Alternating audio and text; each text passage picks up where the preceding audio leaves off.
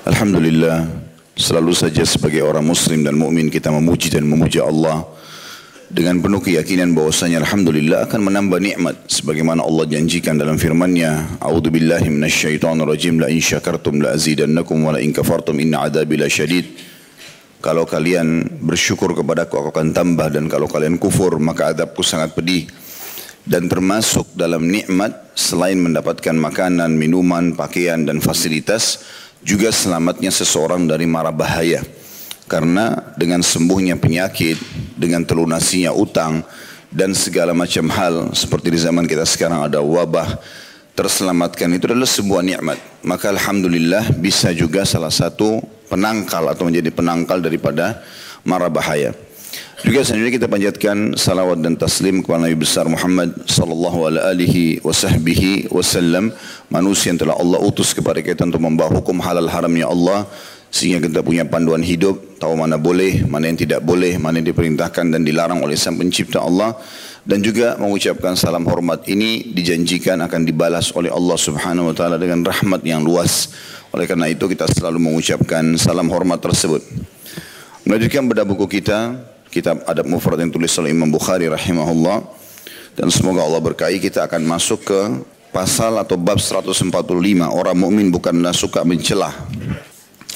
Kita akan masuk ke hadis kita pada pagi ini nomor 312 ya, di halaman 320 Imam Bukhari rahimahullah berkata Ahmad bin Yunus mengabarkan kepada kami ia berkata Abu Bakar bin Ayyash mengabarkan kepada kami dari Al Hasan ibn Amr dari Muhammad bin Abdurrahman bin Yazid dari ayahnya an Abdullah an Nabi sallallahu alaihi an, an Abdullah radhiyallahu anhu an Nabi sallallahu alaihi wasallam قال ليس المؤمن بالطعان ولا اللعان ولا الفاحش ولا الفاحش ولا البذيء dari Abdullah bin Mas'ud radhiyallahu anhu Dan saya sudah ucapkan atau sampaikan dari awal kita bedah buku kita, setiap kali terlintas nama sahabat pasti kita akan baca atau ucapkan radhiyallahu anhu walaupun tidak tertulis ya. Dari Nabi sallallahu alaihi wasallam beliau bersabda, orang mukmin bukanlah orang yang suka mencelah, suka melaknat dan bukan pula suka berbuat dan berkata keji serta kotor. Ada penjelasan kosakata dulu di situ, at-ta'an Orang yang suka melanggar kehormatan seseorang dengan cara mencelah dan menggunjing. Yang disebutkan tadi potongan pertama hadis, laisal mu'minu ta'an. Berarti ta'an itu artinya orang yang suka melanggar kehormatan seseorang dengan cara mencelah dan menggunjing. Kemudian la'an adalah dijelaskan pada hadis nomor 309 kata beliau tentang masalah makna laknat yaitu dijauhkan dari rahmat Allah atau mendoakan keburukan. Sementara al-fahish orang yang berbuat dan berkata keji atau kotor, jorok, menjatuhkan orang lain dan seterusnya. Kandungan hadis ini ditulis di sini ada tiga. Yang pertama, kewajiban menahan diri untuk tidak melanggar kehormatan orang lain. Yang kedua, tidak boleh mendoakan orang mukmin agar dijauhkan dari rahmat Allah. Dan yang ketiga, kewajiban menjauhi perbuatan dan perkataan yang keji dan wajib membersihkan lisan dari segala kotoran. Kita akan masuk lebih dalam membahas hadis ini seperti biasa. Abdullah bin Mas'ud radhiyallahu anhu seorang sahabat yang mulia, salah satu dari empat sahabat yang dikenal dengan empat abadilah atau empat Abdullah yang paling banyak meriwayatkan hadis. Dan beliau punya banyak sekali kiprah di dalam agama Islam dan beliaulah salah satu orang yang sudah atau membunuh Abu Jahal. Ya, Fir'aunnya umat ini di perang Uhud.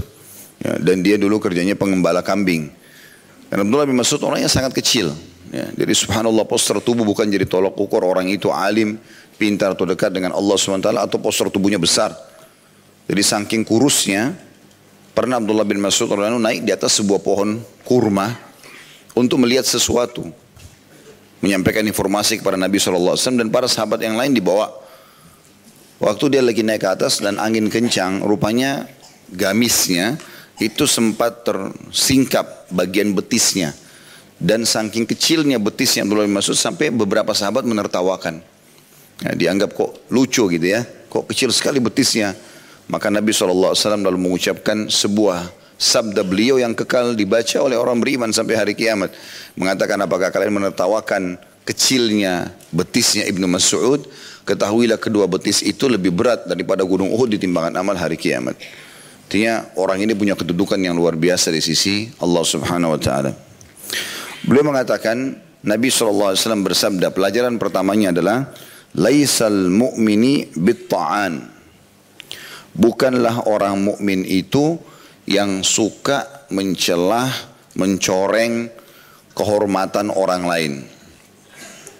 Dan ini memiliki kandungan makna yang luar biasa dalam bab akhlak. Bagaimana seorang mukmin tidak akan pernah masuk ke wilayah orang lain. Dan ini sudah sering kita singgung sebenarnya, kita rangkumkan lagi pada kesempatan sekarang insya Allah.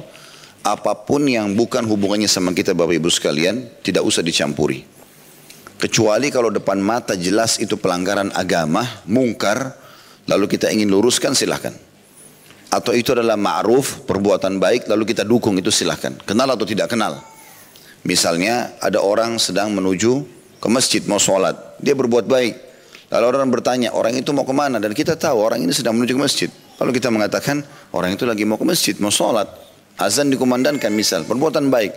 Atau ada kemungkaran dilakukan sama dia, misal dia makan dan minum dengan tangan kiri di depan mata kita walaupun kita tidak kenal. Kita tidak boleh diam. Karena Nabi SAW mengatakan kalian harus beramar ma'ruf, kalian harus melarang dari kemungkaran. Atau Allah akan membuat perselisihan di antara kalian. Maka kita harus ingatkan, maaf Pak, maaf Bu kalau memang Muslim ini dilarang dalam Islam. Atau kita tanya dulu apakah anda seorang Muslim? Kalau dia bilang iya, setahu saya maaf saya mau berikan masukan. Ada hadis Nabi SAW tidak boleh makan dan atau Nabi SAW melarang makan dan minum dengan tangan kiri karena syaitan makan dan minum dengan tangan kiri. Maka itu kemungkaran. Tapi kalau tidak terjadi ini, Dua hal contoh yang saya bilang tadi, misalnya orang sedang berbuat ma'ruf, kebaikan, dan ada yang bertanya sementara kita tahu maka kita mendukungnya, atau perbuatan mungkar yang harus kita luruskan, maka tidak perlu kita mencari tahu. Ya. Ada poin lain tentunya, mohon maaf ada satu lagi tersisa, yaitu kalau kita memang punya wewenan atau kewajiban, kayak misalnya orang tua pada anak, kemudian juga e, pasangan suami kepada istrinya dan seterusnya. Tapi ini pun sama, kapan itu perbuatan baik, kita dukung kapan perbuatan mungkar kita ingatkan. Ya. Selain daripada ini teman-teman kita dilarang untuk masuk ke wilayah orang lain. Mencari tahu tetangga masak apa hari ini, dia pakai baju apa, kenapa dia beli mobil merek itu, kenapa dia cat temboknya dengan warna itu, kenapa ini dan itu bukan urusan kita. Kenapa bapak ini kalau ke masjid selalu pakai sarung yang sama, kenapa kopiannya sama, kenapa ibu itu pakai jilbab itu terus, urusannya sama kita apa? Hmm? Nggak perlu. Karena memang larangan pertama dalam hadis adalah tidak boleh masuk ke wilayah kehormatan orang lain. Mungkin dia tidak punya baju lain. Mungkin memang dia miskin, gitu kan? Termasuk dalam masalah ini tidak kalah penting dan sudah sering kita ingatkan, kalau ingin bertanya sesuatu pada orang, maka pertanyaan itu tanyakan dulu pada diri kita. Ini perlu nggak saya tanyakan? Kita tanya dulu di sendiri. Kalau kita memang merasa perlu misalnya orang ini pakai baju, kita lihat bagus. Memang kita perlu untuk menanyakan di mana dia beli. Supaya kita beli juga. Itu tidak masalah. Perlu gitu kan. Mohon maaf saya lihat bajunya bagus pak atau ibu bisa nggak tahu saya tahu bisa saya tahu beli di mana nggak? Mungkin saya bisa beli gitu. Contoh. Tapi kalau hanya sekedar mau tahu kenapa si fulan pakai kuning, kenapa pakai biru, kenapa pakai itu, semua satu taklim ditanya untuk apa gitu? Manfaatnya apa buat dia? Ada orang subhanallah masuk dalam sebuah komplek, semua yang di komplek lengkap data sama dia. Padahal dia bukan RT. Hah? Kan gitu. Ya, saya saat umroh kemarin, bimbing umroh berapa kali travel kami orang ikut umroh. Hampir semua jemaah tidak banyak yang saya kenal.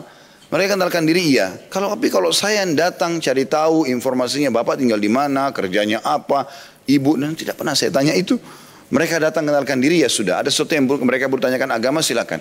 Mau orang kaya, mau orang miskin bukan urusan saya gitu. Nanti ada satu jemaah yang datang kepada saya, Ustaz ini si fulan, jenderal ini si fulan, ini, ini si fulan, itu. Baik ini orang sebenarnya jemaah biasa. Untuk apa dia dapat datanya semua orang gitu kan. Belum tentu orang suka itu. Misal contoh, ada orang datang lalu kita tanya, ibu-ibu misalnya tanya temannya, mana suamimu? Pertanyaan ini perlu ditanya dirinya dulu sendiri. Perlu nggak saya tanya ini suaminya orang ini? Untuk apa? Manfaatnya apa? Gitu kan? Bisa saja dia baru cerai. Misal, atau dia lagi bertengkar sama suaminya, gitu kan? Atau juga gitu seorang bapak, gitu kan? Tanya istrinya, istri mau mana? Mungkin dia baru cerai, mungkin istrinya baru meninggal, mungkin, mungkin segala macam. Jadi tanya dulu, perlu nggak saya nanya ini? Kalau nggak perlu nggak usah nanya, gitu kan? Nggak perlu, karena nanti khawatir masuk kepada kehormatan orang gitu.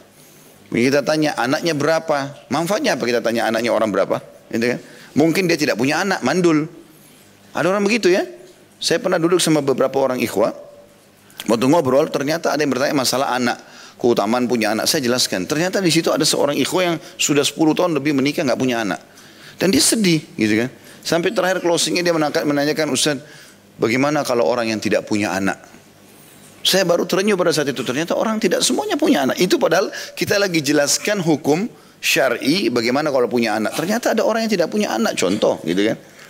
Atau kita menanyakan membangga-banggakan masalah pekerjaan atau menanyakan orang ini bekerja apa dan segala macam. Mungkin ada di situ pengangguran dan segala macam hal. Jadi harusnya kita lebih hati-hati masalah ini. Kalau perlu tanyakan, kalau tidak maka tidak usah. Walaupun itu orang dekat kita.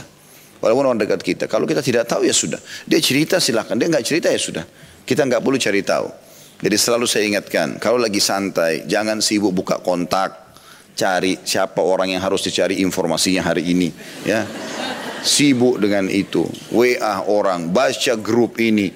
Yang saya unik kadang-kadang ada orang sibuk baca profilnya orang. Baca statusnya orang. Untuk apa gitu kan? Mohon maaf saya pribadi bahkan melihat juga menulis status ini lebih baik jangan. Jadi darurat sekali ya. Ini status setiap hari update luar biasa gitu. Satu hari mungkin bisa 10 ya status pindah sini, saya lagi ke sini. Saya, jadi seperti dia informasikan satu dunia kalau saya beraktivitas ini. Tapi kalau lagi ibadah kan bisa ria. Kan gitu. Untuk apa gitu? Manfaatnya apa? Kecuali darurat sekali misalnya perusahaan pindah alamat. Butuh tulis status, oke okay lah, masuk akal gitu kan. Atau mungkin ada taklim yang memang lagi dibutuhkan untuk disampaikan, mungkin. Tapi kalau kita terus menceritakan tentang apa yang kita kerjakan sehingga ada hal-hal yang kadang-kadang tidak perlu orang tahu. Gitu kan?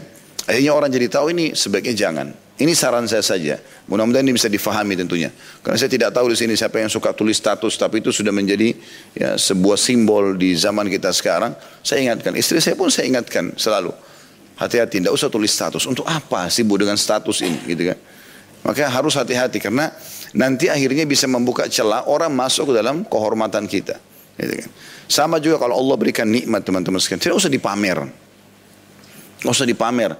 Allah berikan anak yang lucu, pamer fotonya anak itu. Pajang.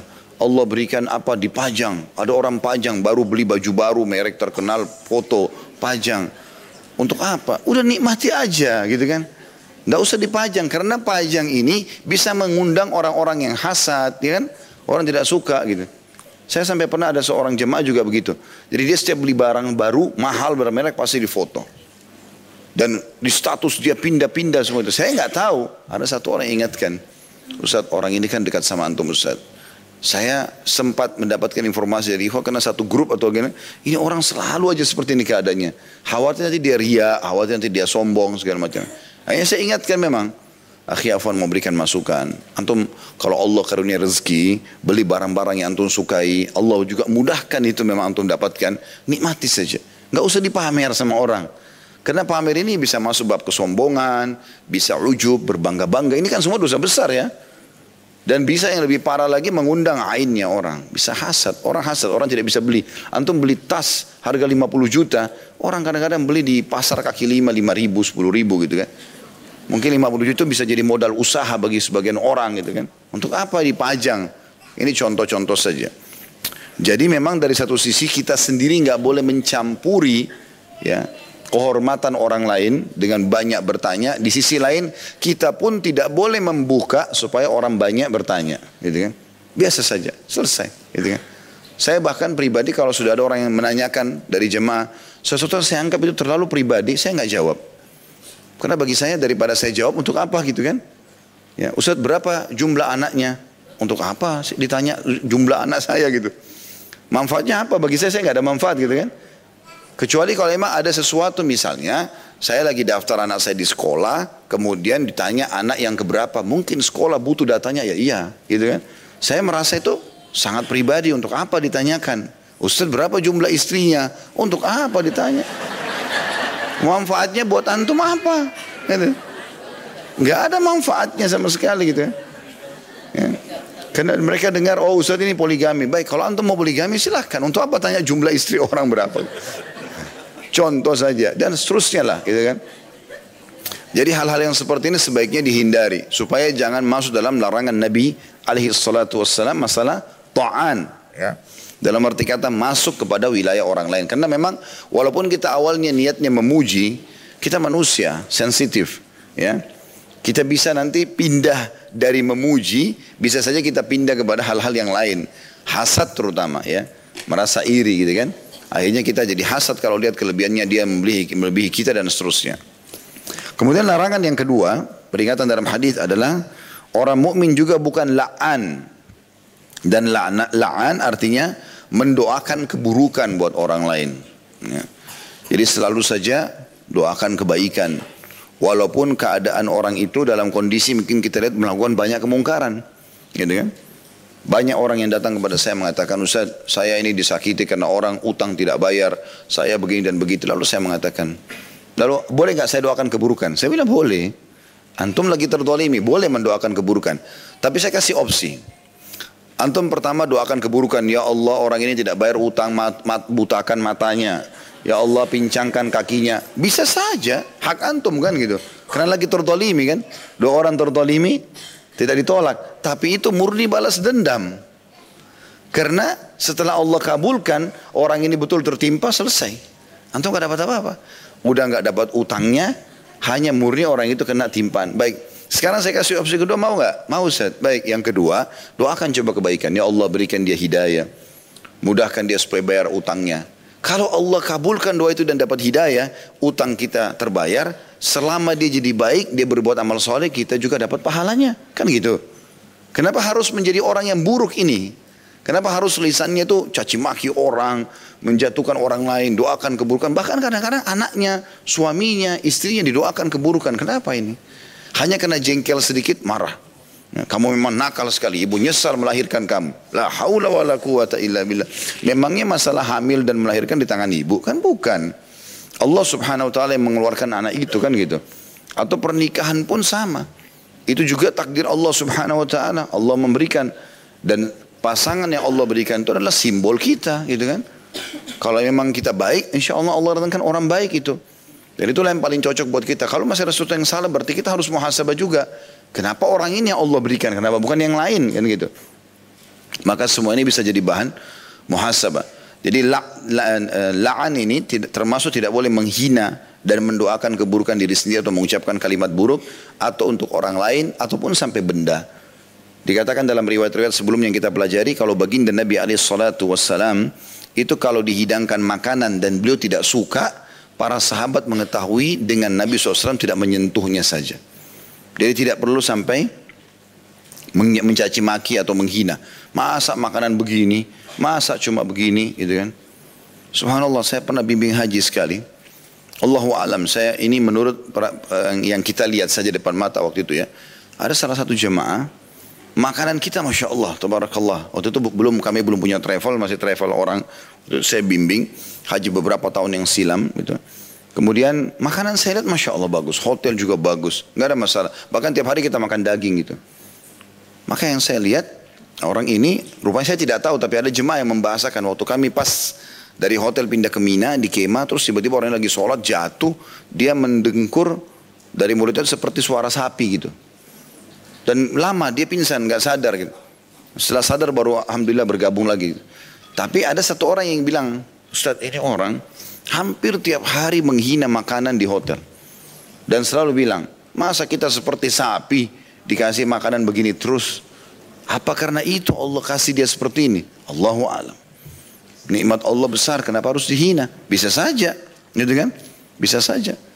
Begitu yang terjadi pada Bani Israel pada saat Allah SWT berikan mereka manna was salwa, makanan yang enak, manis. Mereka malah minta makanan yang dari tanah bawang-bawang segala macam. Padahal Allah turunkan dari langit makanan buat mereka.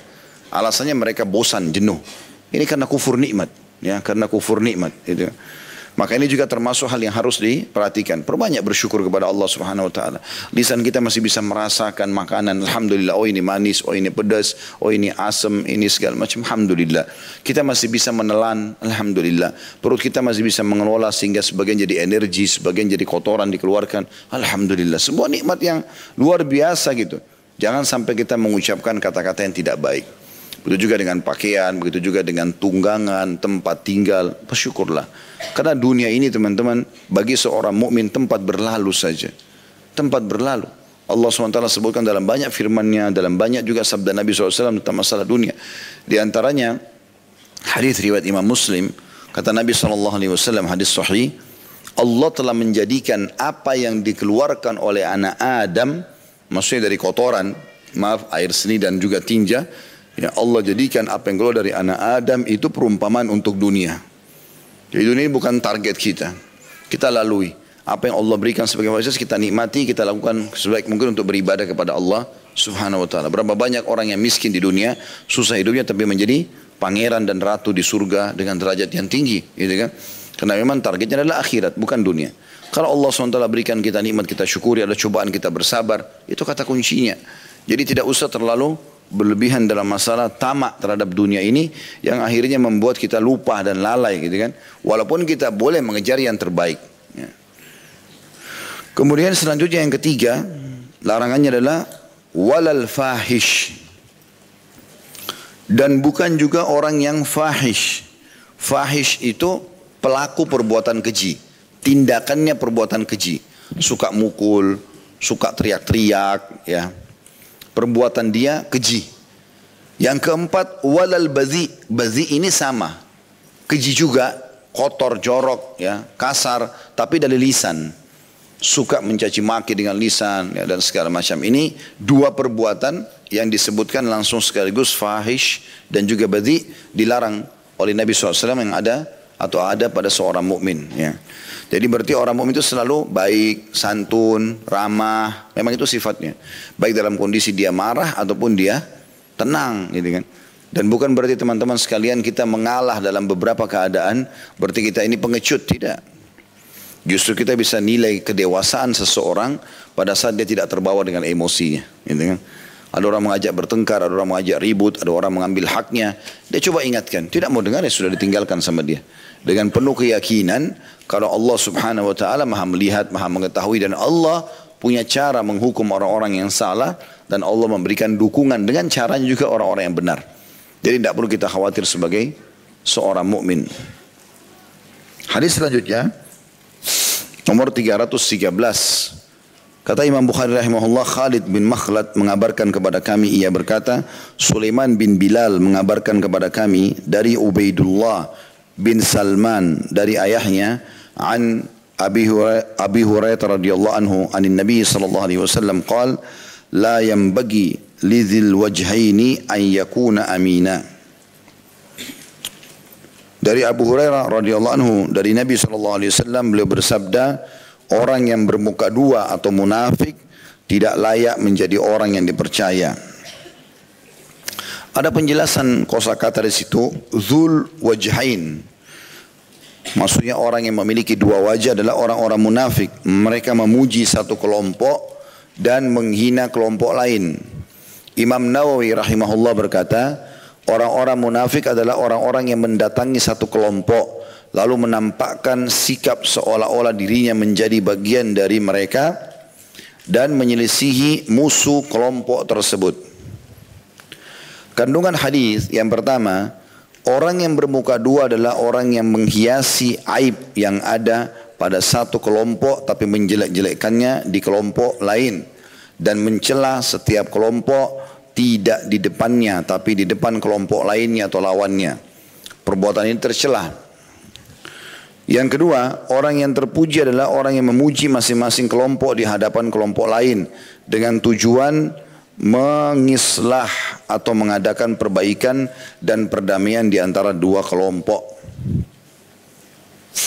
Hadis ini memberikan gambaran kepada kita pelajaran penting sekali. Salah satu akhlak seorang muslim dia tampil apa adanya. Sering kita ingatkan itu. Suka ya suka, tidak suka tidak suka. Mau beli ya beli, tidak mau beli bilang tidak mau beli. Selesai. Tidak ada sesuatu yang samar bagi seorang muslim. Apa yang nampak di dia, itulah yang ada dalam hatinya. Apa yang dia sembunyikan dalam hatinya, itulah yang nampak dalam sikapnya. Jadi nggak ada sesuatu yang samar. Nabi SAW kalau suka beliau membahasakan, kalau benar beliau dukung, kalau salah beliau ingatkan, selesai. Jadi tidak ada sebuah PR dalam dalam kehidupan kita. Itu sifat dasarnya seorang muslim gitu. Ada orang tidak, depan kita senyum, tapi dalam hatinya gerutu misalnya. Enggak, bahasakan baik-baik kalau memang tidak suka. Maaf, ini perbuatan saya tidak suka gitu. Kita bahasakan baik-baik. Saya, istri saya sudah sangat kenal, tahu kalau ada sesuatu yang saya tidak suka, saya bahasakan. Saya tidak suka, selesai. Jadi tidak usah berlarut-larut. Kalau mau perbaiki ayo saya bantu. Selesai kan gitu. Jadi jangan kita memendam sesuatu karena kita belum membahasakannya, belum menasehatinya, belum menyampaikan, mengutarakan apa yang kita inginkan. Apalagi dalam masalah rumah tangga. Seringkali terjadi keributan hanya karena masalah ini saja. Belum komunikasikan, lalu berharap pasangannya menjadi seperti yang dia harapkan. Ini nggak mungkin terjadi. Ya, begitu juga dengan anaknya, begitu juga dengan sahabatnya. Maka harusnya difahami tentu masalah ini. Baik kita masuk kepada bahasan ini. Nabi SAW melarang cirinya orang yang ditolak untuk menjadi orang yang bisa dipercaya, maksudnya jadi suami, jadi istri, jadi teman, partner bisnis, jadi pemimpin, jadi muadzin, jadi imam, ini semua nggak boleh. Kalau dia memiliki dua wajah. Cirinya, kata Imam Nawawi tadi disebutkan, ciri mereka adalah kalau mereka datang ke satu kelompok, misalnya ada dua kelompok atau dua komunitas yang bermusuhan. Dia datang ke kelompok A, dia memuji-muji kelompok A dan menyalah-nyalakan kelompok B. Tapi dia kalau pergi ke kelompok B, dia nyalah-nyalakan kelompok A dan mendukung kelompok B. Sehingga dia merasa aman di dua sisi. Dan itu yang terjadi di zaman Nabi SAW dari kaum munafikin. Mereka kalau berkumpul sama orang-orang beriman, mereka mengatakan, kami bersama kalian. Memang tuh orang kafir begini dan begitu, mencaci maki, bahkan mereka yang paling besar lisannya berbicara gitu. Tapi kalau pergi kepada orang-orang kafir, kami hanya menipu orang beriman itu. Kami bersama kalian, gitu kan? Seperti itu sifat mereka. Tapi naudzubillah tentu harus jauh dari sifat seorang muslim. Makanya dikatakan di kandungan hadis yang kedua tadi, orang mukmin adalah orang mukmin yang bicara apa adanya. Di kelompok A dia bicara apa adanya, di kelompok B dia bicara apa adanya. Yang benar-benar yang salah-salah. Seperti itulah. Tidak ada rekayasa, tidak ada manipulasi dan seterusnya. Itu yang dimaksud dengan hadis ini. Dan kalau ada orang yang cirinya seperti ini, dua wajah, maka tidak boleh sama sekali dipercayakan apa pun. Udah jelas ditolak, udah. Dia mau menjadi seperti apa terserah dia. Pokoknya untuk dapat jabatan di masjid misalnya, di yayasan, di lembaga, di instansi atau di persahabatan, di komunitas yang semua tidak boleh ada. Jadi memang orang mukmin harus bersih dari semua sifat-sifat seperti ini. Karena kalau ada satu orang yang punya virus seperti ini, masalah dalam hidupnya ini maka akan menyebar kepada yang lainnya. Kalau ada satu pegawai kita di kantor pemalas maka bisa menyebar malas itu. Ya. Karena memang sifat buruk itu cepat sekali tunggangi oleh syaitan. Gitu ya. Di pengajian begini ada satu yang ngantuk, bisa ngantuk semua nanti. Kan itu. Ya. Makanya kalau yang ngantuk itu diulus-ulus belakangnya oleh oleh temannya sama jenis tentunya. Jangan ngantuk ya. Karena bisa nyebar. Lama-lama saya juga ikut tidur gitu kan. Jadi ini contoh-contoh saja. Kita pindah ke hadis selanjutnya 314. Imam Bukhari berkata rahimahullah Amir bin Marzuq mengabarkan kepada kami ia berkata Syu'bah mengabarkan kepada kami dari Abu Ishaq dari Abul Ahwas an Abdullah qal radhiyallahu anhu qal al-amu akhlaqil mu'minil fuhsh dari Abdullah bin Mas'ud radhiyallahu anhu beliau berkata, akhlak orang mukmin yang paling hina adalah sifat keji. Yang dimaksud dengan al-la'um atau al-amu ya. Al-la'am lawan dari al-karam. Maksudnya adalah berkumpulnya sifat-sifat buruk seperti kikir, merendahkan orang lain, kasar dan lain-lain dalam diri seseorang. Sementara kandungan hadisnya adalah dalam hadis ini kita dapat mengetahui tercelanya perbuatan dan perkataan keji seseorang. Hadis ini sama masih membahas tentang masalah akhlak mulia bagi seorang mukmin. Tentunya bahwasanya orang mukmin tidak cukup dengan simbolik saja, misalnya pakaiannya, penampilannya, atau ibadahnya secara global. Tapi harus bertemu antara semua jenis ibadah-ibadah yang dia lakukan dari sholat, dari puasa, dari sedekah, dari haji dengan akhlaknya. Ini harus dikombinasikan. Kalau dia bisa mempertemukan antara sholatnya, antara puasanya, antara apa saja yang dilakukan dari kebaikan ibadah dengan akhlak yang baik, dia juga santun, dia juga ramah, dia juga dermawan segala macam, maka ini baru dikatakan sempurna keimanannya. Tapi kalau orang itu mukmin iya, mukminah iya, pakaiannya syar'i, bagus. Kalau pengajian selalu hadir, selalu nulis dan seterusnya. Tapi kita temukan lisannya tajam, suka caci maki orang ini. Semua orang digosipin sama dia. Berarti nggak benar. Ya. Dan ini disebutkan dalam hadis ini. Sebagaimana sering kita dapatkan itu ya. Di majelis-majelis taklim sekarang, ya, sudah mulai faham agama. Mereka sudah tinggalkan zina, mulai mau tinggalkan riba, mulai ini. Tapi nggak ditinggalkan gosip, ghibah. Di majelis taklim jadi majelis gosip. Oh si fulan itu baru cerai sama suaminya. Si fulan baru cerai sama istrinya. Oh itu si fulan itu kemarin anaknya masuk penjara. Si fulan begini dan begitu. Macam-macam. Jadi mencari informasi yang aneh-aneh tentang orang itu. Tidak usah teman-teman sekalian. Datang majlis belajar. Sibukkan diri dengan ilmu. Ada seseorang pernah hadir di majlisnya. Iyas Al-Muzani rahimahullah salah satu ulama tabi'in. Dulu di ujung. nggak banyak bicara orang itu. Dia dengarkan terus apa yang manfaat ditulis sama dia. Bertahun-tahun begitu. Lalu Iyas Al-Muzani rahimahullah orang cerdas, ulama besarnya muslimin. Sampai dikatakan dalam pepatah, kalau mau lihat kecerdasan, lihat kecerdasan Iyas Al-Muzani. Teman-teman bisa ketik tentunya di Google banyak artikel tentang Iyas Al-Muzani. Juga ceramah saya, saya pernah ceritakan beberapa cuplikan tentang beliau. Yang jelas, dia tanya orang itu. Dia bilang, di antara semua orang yang hadir, hampir semuanya pernah bertanya, kenapa anda nggak pernah bertanya sekian tahun? Orang itu mengatakan, Allah berikan saya dua telinga, untuk saya lebih banyak mendengar. Karena Allah berikan saya satu lisan, artinya telinga lebih banyak jumlahnya daripada lisan. Maka saya lebih baik mendengar, maka saya aman. Dan saya diam, saya juga aman. Kalau perlu saya tanya. Kata Iyas al-Muzani, saya terus mengulangi perkataan orang itu di taklim saya untuk menjadi sebuah kata-kata hikmah. Artinya kalau perlu iya, kalau enggak enggak. Ada orang begitu subhanallah. Memang dia diam, tapi dia mengambil banyak manfaat. Gitu kan?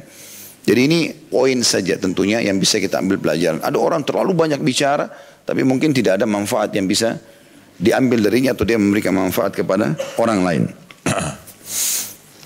Kemudian di dalam hadis yang terakhir kita dalam bab ini nomor 315 Imam Bukhari berkata rahimahullah Muhammad bin Abdul Aziz mengabarkan kepada kami ia berkata Marwan bin Muawiyah mengabarkan kepada kami ia berkata Muhammad bin Ubaid Al-Kindi Al-Kufi mengabarkan kepadaku dari ayahnya ia berkata Sami'tu Ali bin Abi Talib radhiyallahu anhu di sini katakan salawatullahi alaihi yaqul lu'ina al-la'anun Qala Marwan alladina yal'anuna nas. Aku mendengar, mendengarkan Ali bin Abi Thalib radhiyallahu anhu mengatakan para pelaknat akan dilaknat. Marwan berkata maksudnya adalah orang yang suka melaknat orang lain. Kandungan hadis ini tercelah orang yang suka melaknat orang lain. Selain itu orang tersebut tidak akan aman dari celaan orang lain. Tentu pelajaran yang bisa kita ambil teman-teman sekalian. Sudah menjadi sistem yang Allah SWT ciptakan. Anda kalau berbuat baik sama orang, misal kita senyum, kita ramah, responnya sama. Kalau kita pukul, celah, responnya sama. Sunnatullah. Kecuali orang itu tidak normal. Kita senyum lalu dia pukul, itu lain, aneh, nggak mungkin. Tapi sudah menjadi sunnatullah, kita senyum, kita ramah, balasannya orang begitu. Kita beri, kita juga diberikan begitu. Tapi kapan kita mengganggu, kita mencela, akan sama responnya. Anda bisa menentukan jalan Anda dari situ. Selama kita tidak punya masalah sama orang lain, kita selalu baik, maka akan responnya sama. Kalau ada orang yang coba bertolak belakang dengan sikap baik kita itu, berarti orang itu tidak baik. Sebagaimana Nabi SAW sudah melakukan yang terbaik, memiliki akhlak yang sempurna. Bahkan Allah puji dalam surah Al-Qalam, A'udhu billahi minasyaitonirrajim wa innaka la'ala khulukin azim. Hai Muhammad, kau benar-benar memiliki akhlak yang sangat mulia. Tapi masih ada orang munafik, ada orang kafir yang benci beliau. Itu tidak dihitung dalam kehidupan Nabi SAW. Karena memang orang yang membenci beliau adalah orang-orang yang sudah tidak baik.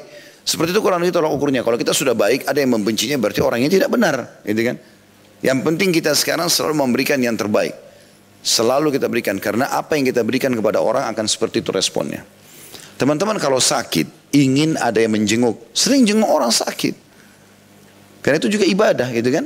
Yang kata Nabi SAW, siapa pun yang menjenguk saudaranya di pagi hari, walaupun sesaat, Allah akan berikan kepada dia atau utus kepada dia 70 ribu malaikat atau Allah siapkan 70 ribu malaikat yang memohon ampun untuknya sampai sore hari. Misalnya pagi begini, mampir ke rumah sakit 10 menit, 15 menit lalu kita pulang. Itu dari kita masuk ke rumah sakit itu sampai sore nanti 70 ribu malaikat ini memohon ampun buat kita. Bukan satu malaikat. Kalau saya sudah cukup itu 70 ribu. Dan siapa yang menjenguk saudaranya di sore hari, Allah juga siapkan 70 ribu malaikat mengomong ampun sama dia sampai pagi hari. Itu kan luar biasa gitu. Contoh saja. Sering jenguk orang sakit berarti menandakan nanti responnya akan sama. Padahal anda sakit juga akan dijenguk. Ada orang sakit gak ada yang jenguk sama sekali. Karena memang dia selama hidup tidak pernah jenguk orang gitu. Si fulan sakit ya sudah tersah. Dia dia nggak pusing pokoknya tidak mau tahu gitu kan. Baik itu kerabatnya orang dekat sama dia. Maka ini aneh ini. Lalu kemudian dia berharap nanti dia dijenguk orang, nggak mungkin. Selama ini dia nggak pernah memberi misalnya. Lalu kemudian satu waktu dia butuh bantuan lalu dia harap dia bisa dikasih, nggak bakal mungkin terjadi. Selama ini dia kasar, lalu dia berharap orang lembut sama dia, nggak mungkin, gitu kan.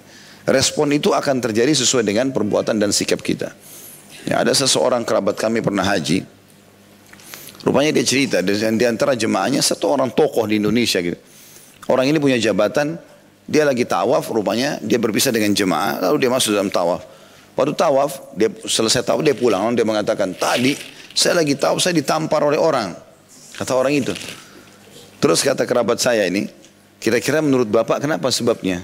Dia bilang tadi saya sempat mau marah, tapi yang tampar saya karena lebih besar badannya, saya tidak jadi marah. Ternyata dia lagi tawaf, kemudian dia jalan. Orang ini punya kedudukan gitu kan, seorang jenderal di Indonesia, kemudian dia tawaf. Rupanya dia tawaf sendiri kan ada ikut sama jemaah, ada orang-orang Turki, kebetulan juga jenderal-jenderal dari Turki yang besar-besar badannya gitu. Rupanya dia desak-desak orang ini, orang ada satu orang tampar dia. Begitu dia balik mau balas, ini lagi tawaf, orangnya lebih besar, kata dia begitu ceritanya. Hanya kata kerabat saya ini kira-kira bapak jadikan bahan muhasabah apa? Dia bilang saya tiba-tiba waktu itu mau marah nggak jadi, kayak nggak bisa. Terus kemudian saya tiba-tiba mengingat di Indonesia saya sering tampar bawahan saya. Maka Allah kasih juga tamparan di depan Ka'bah lagi gitu kan. Subhanallah, sunnatullah datang seperti itu. Tapi kalau orang baik, orang santun, orang ramah, subhanallah. Ada orang sampai tua, karena dari mudanya baik, orang semua selalu tegur sapa sama dia, jalan sama dia, antarkan sesuatu, berikan sesuatu, karena orangnya baik. Seperti itu kurang lebih manfaat yang bisa diambil daripada hadis ini. Siapa yang melaknat, pasti akan dilaknat. Artinya sampai berbuat sesuai dengan perbuatannya. Dia buat baik, pada orang, Allah juga akan buat baik sama dia. Dia buat buruk, maka orang juga akan berbuat keburukan.